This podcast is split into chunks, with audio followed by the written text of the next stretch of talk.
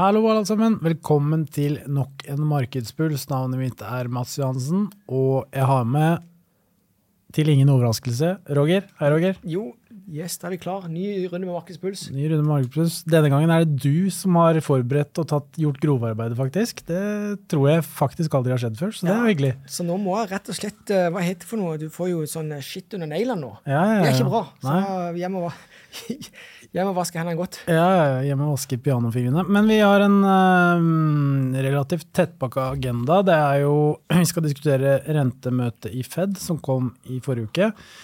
Prate litt om aksjemarkedets natur, og så skal vi prate litt om geopolitikken nå, og egentlig sånn gjennom sommeren. Ja, for det er jo tre viktige tema. Eh, Vi har lagt bak oss en renteuke. Og så er det jo faktisk en renteuke denne uka òg. Altså for Norges Bank skal jo Vi spiller inn dette mandag. Uh, torsdag så er det rentemøte i Norges Bank. Der er det venta renteoppgang. Men tilbake til det som skjedde i forrige uke, som er enda viktigere. Det var jo Fed-møtet. Skal vi snakke om. Ja. Og eh, for de som følger oss på YouTube her, så har du laget en graf da for uh, egentlig deler av forrige uke uh, for SMP 500. Og for den observante eh, ser, så ser man jo da at man hadde et voldsomt flush ned her. eh, når rentebeslutningen ble gjort fra Jerome Powell. Og de ble jo da enige om å eh, ikke gjøre noe med renten, som eh, i hvert fall i, et, i ettertid så var det forventa. Eh, men så varslet han jo da også flere rentehevinger framover. Så de vil jo da Powell og, og Fed vil jo da vente nå denne måneden her for det for at rentene da skulle få en litt mer innvirkning. Og så kunne han da selvfølgelig da se an framover i forhold til eh, økonomisk utvikling osv. Men han hinta vel ganske kraftig til at det kom til å bli rentehevinger utover eh, sensommer og høst. Ja, for poenget var jo det at eller, Aksjemarkedet har jo gått i forkant av rentemøtet. eh, Og spesielt teknologiselskap, eller selskapet som vokser. vokser. Og de, de profitterer jo på at eventuelt rentetoppen er nådd, og at ting skal peke nedover igjen. Så det var, det var jo som litt av bakteppet. Ja, jeg leste faktisk bare en sånn liten digresjon på det, Roger. Så er vel eh, siden dotcom så har vel aldri teknologi hatt et bed, en bedre start på året, eller egentlig det første halvåret som vi er inne i nå. Da. Så det, det er jo en interessant eh, observasjon. At det har ikke vært en bedre start siden dotcom-boblen på 2000-tallet eh, for tech-aksjer enn i år. Og da er spørsmålet er det sammenlignbart. Kanskje, kanskje ikke. Kanskje det er litt likt. For eh, dotcom-bølg... Altså når den, for opptakten til den, så var det jo alt som drev innen internett og IT, gikk jo ja, til himmels. I disse dager, så det som har dratt eh, Nasdaq-indeksen opp, blant annet, det er jo de, en håndfull store selskaper. Og da er det jo Nvidia, det er Microsoft eh, Meta. Meta har eh, kommet kraftig tilbake til fjorårets fall. Eh, Alphabet, ikke minst. Apple er jo på all time high, selv om det ikke er inn De er jo ikke direkte i dette her AI-sporet. Eh, men de har jo lansert, eller skal jo komme da med nye altså VR-briller. Eh, så, eh, så jeg vil si det er, det er Altså, det er mye likt, ja, men det er jo mye forskjellig. Ja, og det man kan si på kan vel ekskludere, eller Nvidia tjener vel penger, men eh, det er klart eh, De er jo verdsatt eh, De prises enormt- på høy multiple. Ja, ekstremt høy multiple. Men hvis du ser på Microsoft, du ser på Apple, du ser på Meta, du ser på Google eller Alphabet, så tjener jo disse selskapene grassat mye penger. Og Ja. De fleste av disse selskapene som bort fra Nvidia, handles jo på høye multipler, ja, men Ja. ikke faretruende altså krisemultipler, for å si det på den måten. De, jeg vil tro Apple er vel nå på en 25 ganger neste års inntjening, som er høyt, for all del. Ja, Men det er fint. Det Eh, er ikke så galt. Altså, det er tross alt det største selskapet i verden. Nei, ja, absolutt. Altså, det er, ikke, det er, ikke, det er høy, relativt høyt sånn historisk sett, men det er ikke krise i forhold til sånn som vi snakket om under dotcom, der alt eh, kunne ikke regne på multipler engang, for det var ingen av de selskapene som tjente penger. Ja, altså La oss sette det i perspektiv også. Altså, hvis du tar til historisk, eh, Hva er så markedet historisk? Hvilke multipler det hadde, ligget- er det rundt 15? det? 15, ja. Ja, sant? Så dette, du, du, du, Bare for å sette det litt i, i kontekst. Ellers så har jeg også lyst til å prøve å tegne et bilde på prisinga i Nvidia. Eh, Du har helt rett, Nvidia tjener bra med penger og har enorm etterspørsel. De kan jo mest sannsynlig ikke levere det, den etterspørselen de, de, de opplever. Eh, de prises jo på en mye høyere multiple, på forventning om at de skal liksom, ta businessen til et nytt steg til et nytt steg, og kanskje komme opp på stange med Apple. Men, men der er jo multiplen høy, eh, og i min verden så er det sånn at det, det kan kanskje være greit å ta på seg litt, litt ekstra. Solfaktor 50, tenker jeg, Ja. kan være greit å ha på seg i Nvidia. Eh, bare for å ta det Det, det er jo de står i, det er jo i det hotteste om dagen, det er AI, AI, og, og spesielt Nvidia. Ikke sant. Og så eh, tror jeg jo Nå var vi jo for så vidt Temaet er rentemøte, men vi kan ta renter i sammenheng med aksjer også, da. Eh, og hvis man ser på en multiple på 25 ganger neste års inntjening som Apple, da, Mm. eh, så er jo det en høy multiple å prises på med det rentenivået vi har nå. Men samtidig så må man huske at ved et økt rentenivå så vil de fleste verdiaksjene, eller selskaper som har solid inntjening, betaler utbytte, også prises høyere, fordi markedet er interessert i inntjeningen som var i går og i dag, kontra fem år fram i tid. Så man kan tenke at det er ulogisk at ja, et selskap handler på høy multiple, det er høye renter osv., og, så videre, og det er dyrt, men samtidig så de som må være investert, og de som er investert i aksjemarkedet, ønsker da disse selskapene som har en solid inntjening og betaler utbytte, og priser da opp disse aksjene. Så Det er mye av grunnen til at type selskaper som Apple, for så vidt også Microsoft, eh, er priset såpass høyt, fordi markedet er veldig interessert i den meravkastningen de faktisk skaper i det miljøet som er litt vanskelig nå. Ja, og tilbake til det, I stedet for å drive med diskontering, og sånt, så er det jo veldig enkel metodikk å bruke multiple. Og hvis du da vet hvor robust et selskap er Apple er jo et trippel A-rata selskap. Det betyr at du kan sammenligne med amerikanske staten. Og hva er tiåringen i dag? Ligger den på fire Ish 4, 3, Ja. 8, 4. 384, sant? og da kan du begynne å snu, eh, snu brøken, holdt jeg på å si. Så kan du prøve å finne ut om er 25. Eh, hva, hva tilsvarer 25 i PE? Så hva er earningsyielden? 5, blir det ikke det? Nettopp. sant? Så da det det du sammenligner med hva er renta, og da har du fremdeles litt, litt bedre avkastning i Apple, da, som begge er trippel. Så dette, det, eh, historien skal jo ha det til at Buffett driver jo ikke med Han reklamerer jo mye for å regne på og diskontere kontantstrømmen, men han gjør egentlig ikke det. Iallfall ikke følge Charlie Munger. Eh, mest sannsynlig så bruker eh, Buffett selv mye mer multiple på å finne ut om ting er riktig og dyrt, men han er god til å rett og slett eh, sesongjustere eller justere normalisere inntjeninga, da. Eh, så, som er en vesentlig faktor da, i multiplen. Da. Og i den uh, 5-prosenteren som kan adde på et utbytte òg, selvfølgelig, da, som, eh, som, som er på, eh, om i Apples tilfelle, kanskje 2% Ja, så de, ja, de, de, måten de betaler altså Det de sitter igjen på overskudd, mesteparten går tilbake til aksjonæren gjennom tilbakekjøp. Det, altså det, er, det er helt insane hvor mye penger som kommer tilbake til aksjonæren i Apple gjennom bare buybacks. Eh, så det har jo Buffett vært litt sånn engstelig, eller ikke engstelig, det er han vel ikke, men for de snakker vel om å ha, ut, uh, ha skatt på tilbakekjøp av aksjer. Uh, og i så måte så vil jo det få en stor impact på litt av den der grunnfilosofien til Buffett og de, for de kjøper jo selskaper som er kommet langt ut i fasen. De, har, de dominerer sin nisje. Eh, ikke nødvendigvis de kan bli så veldig mye større, men, men eh, de, de gir mye tilbake til, eh, til aksjonæren da, i form av tilbakekjøp eller, eller direkte utbytte.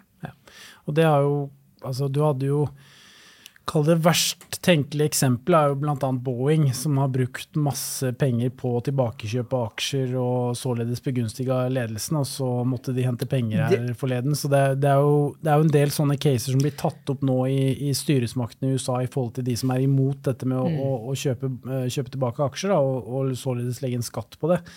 Så det er klart, det er jo stort sett i USA gjort med måtehold, vil jeg si. Eh, men du har en del sånne skrekkeksempler à la Boeing som ødelegger for det gemene flertall. Da. Ja, Men vi har vel, som vi normalt gjør, eh, sporer vi jo litt av. Hovedtemaet vårt var jo selvfølgelig Fed, og vi har en graf her som viser nettopp at markedet ble litt skuffa når meldinga til Fed kom. Men det gikk jo bare dag, den påfølgende dagene, dagen og dagen etterpå, så har jo aksjemarkedet bare tura videre. Og det var jo som du sa, jeg ville bare repetere det du sa innledningsvis. altså Renta ble forholdt i ro, som venta, men det ble jo kommunisert at det kommer kanskje to til renteøkninger i løpet av året. Det betyr at rentetoppen er ikke nådd i USA, antageligvis. Eh, det skulle jo egentlig være negativt for aksjemarkedet. Og da er det liksom bare litt den denne viktig for tenkte jeg, å ha opp det temaet. Altså, hvis du tar på neste slide, altså, hvor, hvor eh, det handler om aksje, aksjemarkedets natur. Ting er jo ikke lineært altså, i denne her. Det er mange faktorer som påvirker det ene og det andre. Til syvende og sist hva Fed sin strategi blir, det vil jo avhenge av de innkomne dataene som kommer. Og det er jo mange, For den som er veldig opptatt av aksjemarkedet, han ser jo at det er mange indikatorer der som er veldig sånn deflatoriske. De forteller om at verden er i altså vi, Det dempes kraftig. Eh, og, og, hvis det kommer til syne i disse oppriktige, altså de normale, altså vanlige makrotallene, da, som de utgangspunkt skal, så vil jo da kanskje Fed sin eh, rentebane ikke bli like aggressiv. La det være sagt. Eh, det er jo et kjent uttrykk som heter 'don't fight the Fed'. Sånn at eh, det kan godt være at det er investorer nå som kommer til å bli skuffa eller bli innhenta av at eh, de prøver å gå imot eh, Federal Reserve. Mm. Uh, og det er jo uh, det også er jo interessant når du snakker om at markedets bevegelser ikke er lineære sånn rent teoretisk, så er jo du har jo masse sånne, altså disse Makroøkonomiene snakker om disse ledende indikatorene, også PMI-indekser, ISM-indekser osv. Men dette, dette, er jo tall som man får svaret på altså tilbake i tid. Da. Altså man snakker nå, nå om tall fra april, ikke sant? Mm. og så sitter vi nå i juni. Så det er jo på mange måter Aksjemarkedet er jo en ledende indikator i seg selv. Mm. Og det er jo gjerne derfor Fed-møtene er så interessante. Ikke nødvendigvis for at renten skal settes opp eller ned akkurat den dagen, men det er jo talene til Powell etterpå som indikerer framtiden, som markedet ikke vet ennå, som er mer interessant. Fordi disse Eh, makro-PMI-indeksene som på en måte leveres fra ulike land, BNP-prognoser osv., det er jo ikke så interessant, for det har jo skjedd. Mm. Og det har jo markedet diskontert gjerne ganske lang tid på forhånd. Og så er jo da at markedet hele tiden ser framover, og gjerne går seks måneder før kall det den spesifikke hendelsen skal inntreffe, for markedet er fremadskuende hele tiden. og det er jo gjerne det. Markedet er intelligent, rett og slett? Ja, ikke ja. sant? det er jo summen av alle mulige smarte hoder ja, som ja. ser framover. Eh, og eh, de ønsker jo da Eller man, eh, man, man ser jo da rett og slett framover, og man eh, kall det er veldig hungrig på ting som ikke har skjedd ennå. Og som du sier at kanskje grunnen til at markedet gikk sånn som det gikk nå, er at eh, han, indikerte to hevinger til. Og da tenker jo markedet gjerne at ok, kanskje det er toppen. Ja. Og det er jo, det er det er sånn det fungerer. Det, det, altså for å summere det opp, så er det jo sånn markedet er mer driver med kalkulert risiko. mm. Eh, så det er jo, alt handler om å kalkulere risikoen og bake det inn. For det, det som skjer på kort sikt, til syvende og sist, det som skjer på kort sikt, det behøver ikke ha så veldig mye å si om realitetene. Men på lang sikt derimot, det, da er det tyngde, tyngdeloven som gjelder. Mm. Så, uh, så, får vi se. Uh, ellers så er jeg òg litt opptatt av det at som makroøkonom av, uh, av utdannelse, så det er jo som å se i bakspeilet når du kjører bil. Mm. Men du var jo inne på det. I aksjemarkedet, De som er i aksjemarkedet hands on der, de ser jo forover. Mm. Og det, det, ofte ser du svingene bedre når du kikker framover. Gjør du ikke det? Jo, det gjør det. Samtidig som at man skal jo ha respekt for altså Du snakket jo om innledningsvis din store helt med Buffett. altså Mye av hans filosofi er jo å se bakover. For han ser jo på selskapene om de har tjent penger i, i årenes løp eh, tilbake og drevet godt. Og så selvfølgelig ser han jo framover også med tanke på om disse selskapene kan utvikle seg. Men mye ja. av grunnen til at hvorfor han fatter interesse for et selskap, er jo for at de har gjort det godt historisk. Og Det er et godt poeng det med å dra inn Buffett i den sammenhengen, for han hadde jo det latent altså, i, altså, nesten med fødselen. Altså, han så, han så eh, altså, Eksempelvis han så han dro til Las Vegas en gang, og så så han der valfarter jo folk for å tømme lommene sine i Las Vegas. ikke vel? Det er jo bare å se bakover. Det er jo ikke én som har lykkes med å dra til Las Vegas, er det det? Ikke heller. Og, og, der er det Nei, ikke heller. Ja, jeg har også vært der og ikke uh, lykkes, men uh, det var jo betydelig måtehold. Mm. Men i alle fall, så, så, så det, er, det er et godt poeng, det. Det er viktig å se på bakover, bakover for å lære av historien. Ja. Men, men, å se på bakover om det er inflasjonspresset og ikke noe som kommer til å ødelegge for økonomien framover, der ser Buffett de framover. Det hadde jo meg og deg oppe for års... Vi hadde jo en pod, årsmøte for to altså to år siden, mm. årsmøtet til, til Bøfteri, der gikk han, gikk han, han gikk i, nærmest i strupen på Jerome Powell. For Berkshire-systemet sa de at her, her blinker inflasjonslampene blinker rødt i store delen, av vår business. Og det hadde Buffett helt rett. Sånn at Der kom jo markedet på etterskudd. For hva skjedde? Mm. Plutselig måtte Fed sette opp renta fra null til ja, over snittet historisk på kort tid. Og det fikk jo aksjemarkedet, spesielt, spesielt tech-aksjene, de falt jo som en stein. Og Buffett og de med Berkshire-aksjen, den outperforma jo alle. Mm. Så, så, så, det, så, hva er konklusjonen? Du må se litt bakover på å lære historien, lære andre sine feil, eh, og så se framover i forhold til hva er det som faktisk skjer. Bruk litt mer tid på økonomisk historie enn nødvendigvis å lese alle disse prognosene, tror jeg. da. Ja, og da vil jeg bare si at jeg har kanskje nevnt det før, men det er jo en god historie. Eh, jeg så på et program på TV Norge for eh, et par år siden, og det var det jo Jeg er jo født og oppvokst med en tur til Dan Danmark med danskebåten, så det, det, er, det er, min stil. Mm. Og Derfor så kikket jeg på sånn danskebåten-program på, eh, på TV Norge. og der kom, kom, en gruppe mennesker opp på broa, en gruppe unge mennesker opp på, broa der og skulle styre. Og Da husker jeg hva han der kapteinen sa. Sant? De hadde jo masse datamaskin og utstyr og radar og det ene og andre. Han sa men det kan være greit å kikke ut vinduet. Ja. Sant? så, så, eh, ikke bare ha liksom, hodet rett i, eh, i, eh, i Og der er et annet, annet bilde det, det, i, fra, ja, I mange år tilbake, er det fra 2014 og framover, så har det stadig blitt flere Tesla på veien. Mm. Sant? Det skjer noe. Men har du sett disse her lastebilene til Nicola på veien? Husker ja. du det selskapet der? Ja. Ikke vel? Det var egentlig tilsynelatende to, to selskap med euforisk prising. Altså, du kunne kikke ut. Det var ingen Nicola-lastebil der ute. Så de kanskje på YouTube på en eller annen reklamesnutt eller noe sånt Nå. Mm. Men, men eh, så kikk ut vinduet. Bra. Uh, geopolitikk, Roger. Uh, det er jo fortsatt uh, altså Man glemmer jo det, men det er jo fortsatt en pågående krig i Ukraina. og det har jo selvfølgelig direkte påvirkning på en rekke selskaper, fraktdistanser, spesielt innenfor kanskje tankfrakt. nå har det vært mye mm. diskusjon den siste tiden med frakten av russisk olje, som, som skjer i, i høyt monn. det bare rebrandes litt, litt det samme som skjedde under den frysen til Kina, at man tok en snarvei gjennom eh, det var Hviterussland, tror jeg, og så gikk det videre derfra. Mm. Så som du har sagt mange ganger, kapitalen og viktige råvarer finner fram. De finner jo da ulike lommer å gå gjennom, og så kommer det ut som en helt ny vare. Så det er jo det er jo en interessant uh, der. Um, vi kan si litt, altså Det har blitt snakka så mye om valuta, så det skal vi vel bare nevne kort. Men, uh, men den vet jo alle at uh, det blir dyrt som norsk turist i utlandet i sommer. Um, men hvis vi ser på råvareprisene, Roger, så nå har vi en oljepris på en 75-76 dollar fatet. Mm. vært ganske svak i år. Har vært svak. Men det som ikke har vært svak, som er en viktig komponent i oljeprisen eller analysen av den, det er jo dollarkursen. Dollarkursen er skyhøy. Hovedsakelig pga. Altså to ting. Det ene er renteforskjellen, selvfølgelig. Men det andre er jo geopolitiske spenningene. Og så kan du gå inn på liksom, detaljnivå på hver enkelt valuta. og Den norske valutaen så har det òg litt om altså, hvordan AS Norge, utsikten til AS Norge ser ut, altså, ser mm. ut. Uh, og, og, tilliten til, til, til, Norge som investeringsområde. Ja. Men, men, hovedtyngden er jo rentedifferanse og geopolitikk. Og når det er geopolitikk, usikkerhet, så det skjer gang på gang, så blir dollaren sterk. Det, for den regnes som en trygg havn. Mm. Uh, så, så, hvilken havn går det inn til? Du går ikke til Norge. Det er ingen trygg havn i, i usikre tider, men det er dollaren. For dette det er verdensvalutaen. Mm. Uh, og det gjør jo at oljeselskapene de tjener jo veldig godt. Mm. God utbyttekapasitet. Og, og det, er, det, er, en fordel for norske investorer.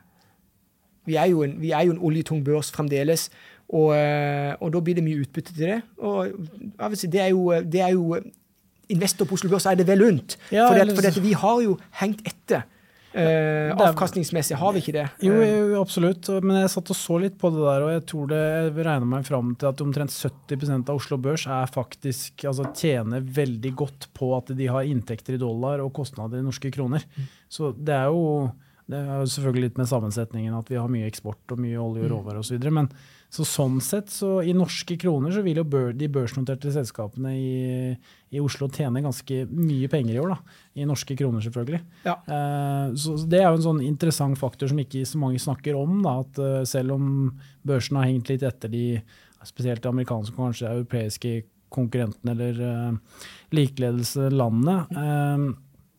Men det tror jeg liksom det er, blitt, det er, en diskusjon som ikke har blitt tatt så mye opp. At mm. faktisk veldig mange av disse norske selskapene som er lista på Oslo Børs, tjener ekstremt godt på denne kronesvekkelsen. Ja, de gjør det, men konsumenten, forbruker, meg og deg, som må drive og feriere i, i Norge vi, altså vi, vi, må være hjemme. Så altså mm. kostnaden, det vi importerer inflasjon uh, så Nå har jo ikke hatt tallene, men, eh, men, det er klart at det er jo baksiden av den medaljen. Ja. Og over tid går ikke det. Nei. Så vi får se hva er det som, er det som gir rette. Eh, kan det tenkes at det er verdensøkonomien som gir rette, og at plutselig etterspørselen alt bare demper og da, det klart, da vil jo aksjemarkedet bli påvirka av det negativt. og Det vil bli økt arbeidsledighet, og så ha hele denne dansen der og så kommer rentene eventuelt ned igjen, og så for å bygge dette opp. Uh, så, så, det blir spennende å se. Og sommermåneden vil jo handle litt om kanskje litt Dette er akkurat samme spørsmålene som vi har debattert eller delt med så langt i år. Altså mm. geopolitikk er, er, kanskje hovedtemaet. Ja. ja. Bra. Da tror jeg vi eh, sier eh, stopp for denne episoden. Så sier vi tusen takk for denne gang, og så prates vi igjen til uka. Ha det bra.